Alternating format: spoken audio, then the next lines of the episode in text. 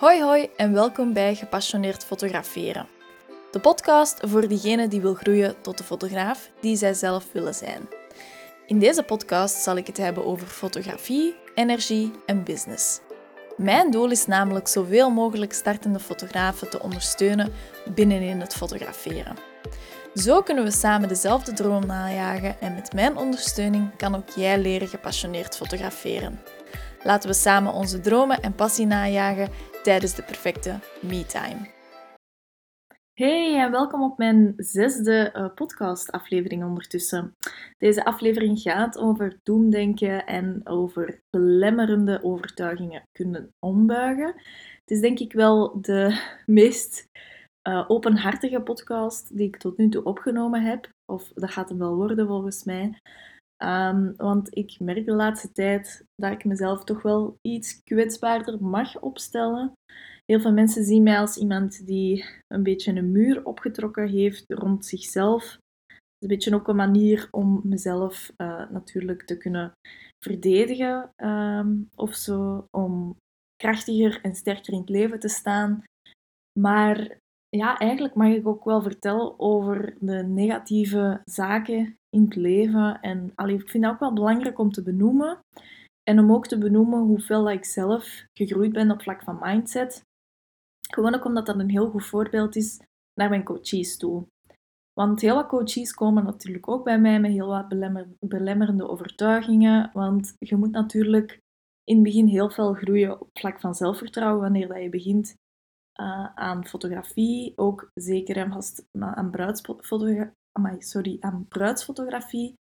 Um, omdat dat ook maar één dag is dat je meemaakt. Dat is de belangrijkste dag van iemand zijn leven. Allee, er, ligt toch wel wat druk op je schouders.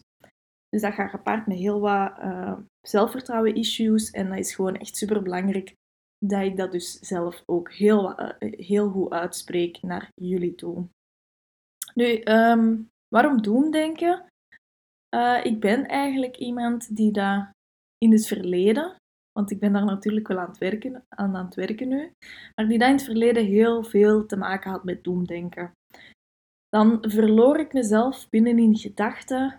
Dan vergrootte ik een situatie. En ze zeggen dat wel eens van een mug een olifant maken. Dat is hetgeen wat ik toen deed. En ik, ik verloor mezelf echt precies een beetje in mijn fantasie. En dan ontstond er een doemsituatie wat is er letterlijk het ergste dat er kan gebeuren? Dat gebeurde er toen in gedachten. Natuurlijk schiet je dan helemaal in paniek, want je denkt dat dat ook effectief gaat gebeuren. Dat gaat gepaard met heel veel angst, want je houdt constant, zijde eigenlijk alert in je leven, om ervoor te zorgen dat dat gewoon niet, niet waargemaakt wordt, dat dat niet, niet echt gaat gebeuren. Dus dat negatieve denken en, en, veel ontploffingen in mijn hoofd, dat, allee, dat was wel heel veel aanwezig in mijn leven. En nu met het opbouwen van mijn business uh, was dat ook een vrij groot issue. Want dat zijn allemaal belemmerende overtuigingen. Die zitten diep in u. Die, allee, probeer constant eigenlijk de controle overal op te houden. En dat is eigenlijk niet goed. Want ik heb dankzij mijn mindset coaching ook wel ontdekt dat je bijna op niks in je leven controle kunt houden. Er is zo weinig dat je kunt controleren. Je kunt je eigen reactie op bepaalde zaken wel controleren, maar je hebt helemaal niet in de hand hoe andere mensen bijvoorbeeld gaan reageren. Dus uh, ja, dat is wel een ding dat je moet loslaten natuurlijk. Anders kom je zelf wel een paar keer tegen. Maar ik was ook heel veel bezig met wat denken anderen van mij. Ik was heel veel bezig over ja, hoe dat ik, hoe, wat dat mijn imago was eigenlijk. En ik wist ook niet zo heel goed hoe dat ik mijn eigen grenzen moest bewaken. Hoe dat ik die eigen grenzen moest communiceren. Want natuurlijk, als je ze niet communiceert, dan weten klanten dat ook niet. Of dan weten mensen in het algemeen dat ook niet. En hetgeen wat ik ook had, is mijn business. Dat is mijn passie, dat is mijn hobby. Ik ben ook super dankbaar dat ik van mijn, mijn hobby, mijn passie, mijn beroep heb kunnen maken. Natuurlijk. Want de keerzijde daarvan was dat dat constant in mijn hoofd speelde. Dan ging ik op uitstap of, of dan was ik weg met mijn vriend of mijn vriendinnen, noem maar op. En constant was ik aan het denken, oei, ik moet eigenlijk dat nog doen. Dat moet ik nog in orde brengen. dan komt in de winkel, oh, dat zou fijn zijn voor dat event. Of dat zou fijn zijn voor die shoot. En eigenlijk constant ben je daarmee bezig. dat is eigenlijk super vermoeiend. Want ik noem dat ook het altijd aanstaan. Ik was eigenlijk altijd in mijn hoofd aan het aanstaan, de hele tijd ook aan het verwijzen naar andere zaken in mijn hoofd. Ehm, en zo heb ik ook ontdekt dat ik een associatief brein heb. Dat wanneer ik iets zie of aan iets denk, dat ik dan meteen associaties ga maken in mijn brein en ga doorverwijzen naar andere zaken. En ik spring zo in gedachten, je kunt het jezelf een beetje voorstellen, maar in gedachten spring ik steeds van de hak op de tak. Dat is misschien iets dat je zelf ook wel uh, zult herkennen. Maar dus op een gegeven moment dacht ik, als dit voltijds zo op deze manier in mijn hoofd gaat plaatsvinden, dat gaat niet lukken, dat gaat niet werken. Mijn vriend zei dat ook. Ga dan maar terug in loondienst. Dat wil ik natuurlijk niet. Um, dus er moest, iets aan gedaan worden en dan ben ik uh, mind, mindset coaching gaan volgen. En mijn doel daarvan was echt gewoon keihard die rust terugvinden in mijn hoofd. Gewoon eens een keer in de zetel kunnen zitten en bijvoorbeeld aan niks denken. Dat op zich was heel moeilijk voor mij. Want dan bijvoorbeeld, uh, eh, s'avonds zitten we gezellig in de zetel, zijn we film aan het kijken en ben ik eigenlijk constant aan het associëren van elementen die dat ik opvang in die film. En dan denk ik aan bepaalde zaken van mijn business, dat er nog zaken moeten gebeuren of dat ik iets vergeten ben. Dan schiet ik recht, loop ik naar een bureau. Dus ja, een heel fijne heel fijn gezelschap was ik op dat moment niet. En ik besefte dat ook wel. Ik wist ook wel dat er iets moest aan gedaan worden. En daarom dat ik dus die uh, intensieve drie maanden training uh, aangegaan ben. Ik heb toen heel veel oefeningen meegekregen gedurende die drie maanden. En ik ben heel veel beginnen nadenken over mezelf, over hoe ik in het leven sta. Wat is gewoon belangrijk voor Tessie? Want dat is ook gewoon voor elk, elk mens belangrijk. Maar afhankelijk van wat dat dan belangrijk is voor u, wat je eigenlijk nodig hebt in je leven, gaat ook wel andere zaken, ja, gewoon aan andere zaken moeten werken. En ja, ik ben daar heel veel mee bezig geweest. En wat dat een, ja, een hele grote binnenkomer was bij mij, dat was hoe dat ons brein werkt. We hebben dus een reptiele brein, een zoogdierenbrein en ons jongste brein is dan ons mensenbrein. En dat reptiele brein, dat is eigenlijk normaal gezien, moet dat uw kleinste brein zijn, want dat is uw overlevingsbrein. Ehm, als jij een situatie meemaakt, gaat uw reptiele brein uzelf drie keuzes geven: vechten, vluchten of bevriezen. En dat is iets wat je waarschijnlijk ooit al wel gehoord hebt. Ehm, maar mijn reptiele brein zorgde ervoor dat ik altijd wegvluchtte voor situaties en voor problemen. Ik stak die situaties altijd heel diep weg, binnenin mij. En dan deed ik alsof dat, dat gewoon niet gebeurd was, alsof dat, dat gewoon niet bestond. Mijn reptiele brein nam eigenlijk alle situaties constant over en mijn mensenbrein had daar geen controle meer over. Mijn mensenbrein ging eigenlijk gebukt onder dat reptiele brein. En eigenlijk wil dat zeggen dat je constant in je leven aan het uitkijken bent naar iets wat dat kan gebeuren, um, een situatie die dat er gebeurt, hè, dat doemdenken bijvoorbeeld, en klaarstaan om te gaan vluchten, om te bevriezen of om te vechten. Dus dat was er eigenlijk allemaal in mijn hoofd aan het omgaan. En eigenlijk moest ik dat ombuigen, moest mijn mensenbrein terug de controle nemen. Zodanig dat ik even van op een afstand kon kijken, oké, wat zijn nu de mogelijkheden? En niet meteen in een kram schoot of wegvluchten, en ehm, ja, ik, ik had ook heel veel negatieve belemmeringen die daar in mij opkwamen. En bij heel veel negatieve belemmeringen heb ik geleerd om heel even te wachten, daar weer afstand te nemen van de situatie en dan dat te gaan ontleden. bijvoorbeeld, wat probeert deze negatieve belemmering mij te vertellen? In het begin dacht ik bijvoorbeeld, ja oké, ik ga een podcast lanceren, maar wie gaat dat nu interessant vinden om mij om naar mij te luisteren? Wie vindt dat nu fijn om de podcast te luisteren en mij een half uur in zijn oren te steken? Dat was een negatieve belemmering. En dan probeerde ik dat om te buigen door bijvoorbeeld, ehm, ik heb al wel eens opgeschreven van, ik kom niks halen met die podcast, ik kom alleen iets brengen. En de mensen voor wie het niet interessant is, dat is ook goed. Hè? Uh, die luisteren dat niet, maar ik ben dit aan het doen voor de mensen die het wel interessant vinden, die willen luisteren naar mijn ervaringen. En voor hen ben ik er. En dat vind ik fijn. Dat ik voor bepaalde mensen, dat, ik nu, dat jij nu gewoon aan het luisteren bent voor mij, van, aan mij. Uh, en, en, en dat je gewoon ook zaken aan het bijleren bent doordat ik mijn verhaal vertel. Dus als je zelf een negatieve belemmering in je hoofd hoort, probeer daar heel eventjes van op een afstand naar te kijken en probeer echt gewoon te zeggen van oké, wat vertelt die belemmering mij? Wat kan ik daar eigenlijk over leren?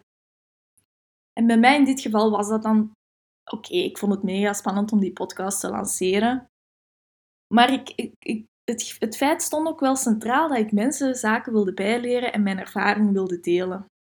Zodanig dat andere mensen ook mijn ervaring konden herkennen, konden weten hoe ik ermee was omgegaan en misschien kun, kan je dat zelf wel toepassen in je leven. Dus dat is één zaak. En hetgeen wat ik ook geleerd heb in, tijdens die coaching, is van de emotie van situaties af te halen. Een situatie kan plaatsvinden, dan moet je heel eventjes gaan observeren. Dat is hetgeen wat ik net al zei. Heel eventjes ervan op een afstand naar kijken. Beetje helikopterview, zeg maar. Er naar kijken uh, en, en gewoon um, bedenken dat alle communicatie die binnenkomt in uw brein, in de eerste plaats neutraal is. Alles is neutraal. En je moet ook wel diep van binnen ergens geloven dat elke mens communiceert met de beste intentie. Hetgeen wat wij doen als mens, dat is dat komt binnen. En wij gaan zelf een emotionele lading aan een situatie geven door de rugzak die je meedraagt. Want we hebben heel veel zaken zelf meegemaakt als mens in ons leven. En die zaken die dragen wij allemaal mee. Ook al willen we het, ook al willen we het niet, dat zit in onze rugzak. En al die zaken, die gaan ervoor zorgen dat wij bepaalde situaties op een bepaalde manier gaan bekijken. En natuurlijk heeft niemand, of hebben geen enkele twee personen hier op aarde, twee dezelfde rugzakken. Elke rugzak is anders. Je gaat altijd alles anders bekijken, van een ander perspectief. Je gaat al alles anders op een andere manier benaderen. En zo ontstaan er misverstanden. En door dat te beseffen, wow, dat was echt een binnenkomer. Gewoon heel eventjes wanneer er zoiets gebeurt en, en je eigenlijk meteen bijna meteen emotioneel zou worden, bijvoorbeeld, wanneer dat iets naar je hoofd geslingerd wordt. Heel even van op een afstand kijken. Nadenken um, wat dat hier eigenlijk de intentie is. En gewoon de, emotie, de, de eraf halen. Niet bedenken van, ja, gewoon niet uh, snel, snel, snel willen reageren. Maar uh, even nadenken en, en van op een afstand kijken, emotie eraf halen en zo op die manier reageren. Een klein voorbeeld, want het is wel een beetje abstract, ik weet het. Een klein voorbeeld uh, dat ik ook wel heel interessant vond was: je kunt gewoon met je vriendin wandelen in, in een bos of in een park, maakt niet uit. En op een gegeven moment komt er keihard een hond afge, afgelopen. En stel je nu eens voor dat die vriendin van u ooit al wel eens gebeten is geweest door een hond. Beeld u in wat dat zij zou doen. Jij bent zelf een grote dierenliefhebber, zelfs, je hebt zelf een hondje misschien. En je bent aan het wandelen, dus jij zou dat misschien wel tof vinden. Je zou je misschien al bukken om naar die hond te grijpen. En uw vriendin ziet die hond op zich afkomen, die is ooit al gebeten geweest en die begint ook te rennen. Die begint, die begint te rennen en die loopt weg en jij denkt, wat gebeurt er hier? Jullie hebben gewoon een andere rugzak aan. En die vriendin die dat begint te remmen, begint te rennen, dat is een hele normale reactie van haar. Want dat is haar reptiele brein die dat zegt: Oh my god, rennen. We moeten ons hieruit halen. Die probeert u eigenlijk te overleven, probeert die te doen. Dat is echt een super, super goede reactie van dat brein. Ehm, en op dat moment, door daar op een afstand te gaan kijken, door niet in uw emotie te schieten en te zeggen van Zeg Trien, wat, wat doe jij nu? Ga jij nu beginnen lopen? Allee, dat is toch een toffe hond? Um, door, door dat niet meteen te denken, maar door even op een afstand te gaan kijken van oké, ehm, wat is er hier aan de hand? Of, of hoe, komt, hoe komt die neutrale communicatie bij haar binnen? en bij mij binnen? Wat is hier het verschil? Zo kunnen misverstanden, misverstanden uit de wereld helpen. En dat is een hele moeilijke oefening. Dat geef ik toe. Ik vind dat zelf ook heel moeilijk. Ik probeer het nu toe te passen. Maar begot, als er zoiets heel emotioneel gebeurt, het is moeilijk. Het is echt een oefening die uh, heel veel werk vraagt en, en het moet een gewoonte worden op zich. Um, maar vooraleer dat iets een gewoonte wordt, ja, dat duurt eventjes. Hè? Ik denk dat het zeker zes maanden duurt vooraleer dat je daar zelf mee weg bent. En dan moet je natuurlijk wel intensief er ook mee bezig zijn. Bewust mee bezig zijn, niet onbewust. Dus um, is wel een fijne oefening om misschien zelf eens toe te passen. Hè? Bij een situatie waarvan je dacht, goh, hoe is die geëscaleerd? Hoe is dat uit de hand gelopen? Dan kun je wel uh, een situatie beginnen ontleden, bijvoorbeeld. En wat ik nog geleerd heb tijdens mijn mentale coaching, dat is om in de ochtend rust te vinden. Ik ben zo iemand, ja, ik werk van thuis uit. En het liefst zou ik gewoon elke ochtend uit mijn bed springen en direct achter de computer kruipen. Direct beginnen werken. Ik ben super productief in de ochtend. In de namiddag ben ik veel minder productief. Maar dat maakt ook dat ik nooit ontbeet. Uh, voor die coaching, dan, ik sloeg dat altijd over. Ik vond dat tijdverspilling, ik vond dat ook niet zo fijn. Um, en dat zorgde ervoor dat ik veel minder energie had. Hoe dan ook. Ook al maakte ik mezelf wijs, je hebt dat niet nodig. Je lichaam heeft dat wel nodig. En dan, ja, dat is dus iets wat ik ben gaan toepassen. Ben beginnen ontbijten. Ik luister uh, s morgens ook wel eens naar een boek. Ik probeer af en toe te mediteren, ook één keer per week. Dat is iets dat ik ook nog niet deed. En ik probeer daar wel echt heel goed mijn rust in te vinden. Um, dat is ook wel iets wat ik belangrijk vind nu, is heel rustig opstaan. En ook uh, dankbaarheid vind ik ook heel belangrijk. Um, elke ochtend is er wel iets, of elke dag is er wel iets waar je kunt dankbaar over zijn in je leven. En als je alles vanzelfsprekend uh, maakt, dan is dat natuurlijk niet zo fijn. Je kunt beter dankbaar zijn voor zelfs de kleinste dingen in je leven, want wie het kleine niet eert, is het grote niet weert. Dat zeggen ze toch altijd. Dus dat probeer ik ook te doen. Ik ben sowieso op de goede weg. Dat durf ik zeggen. Want ik ga mezelf niet meer veroordelen. Dat deed ik altijd. Ik was altijd veel strenger voor mezelf dan voor anderen. En eigenlijk moet je in de eerste plaats altijd heel lief zijn voor je. En die zelfliefde, dat heb ik nu wel ontdekt. Dat is super belangrijk. En ja, dat, dat miste ik wel. Ik probeer echt niet meer streng te zijn voor mezelf. Ik probeer mezelf echt te zien als iemand waar ik van hou. Een derde persoon zelfs. Maar dat helpt wel om, om, om dat vol te houden. Of ja, dat, dat klinkt nu heel zwaar om dat vol te houden. Maar ik weet, het is veel gemakkelijker om gewoon strenger te zijn tegen jezelf. Om te zeggen van, allee, dat had beter moeten zijn. Of ik ben teleurgesteld in mezelf. Of wat doe ik nu? Of hoe heb ik die situatie aangepakt? probeer elke situatie te zien, of elk ding dat er gebeurt in uw leven, te zien als een, een leerkans. Het universum heeft je een cadeautje gegeven om te kunnen leren. En uit die situatie gaan we weer zaken uithalen die dat je kunt meenemen in je rugzak en die dat positief zijn. Want het is een, een leermoment geweest voor jezelf. En sinds mijn coaching ben ik dus ook een uh, mini-boekje gaan bijhouden. Uh, het is een boekje, een klein boekje dat ik overal kan mee naartoe nemen en dat vind ik wel heel fijn. En ik doe daar mijn mindset oefeningen in. Wat wil dat zeggen? Negatieve gedachten, negatieve overtuigingen, dat ga ik daarin schrijven. En die herschrijf ik en dan probeer ik die om te buigen. Er staan ook wel wat affirmaties in, dat zijn hele korte, krachtige zinnen die dat mij helpen om in het leven te staan zoals ik zelf wil.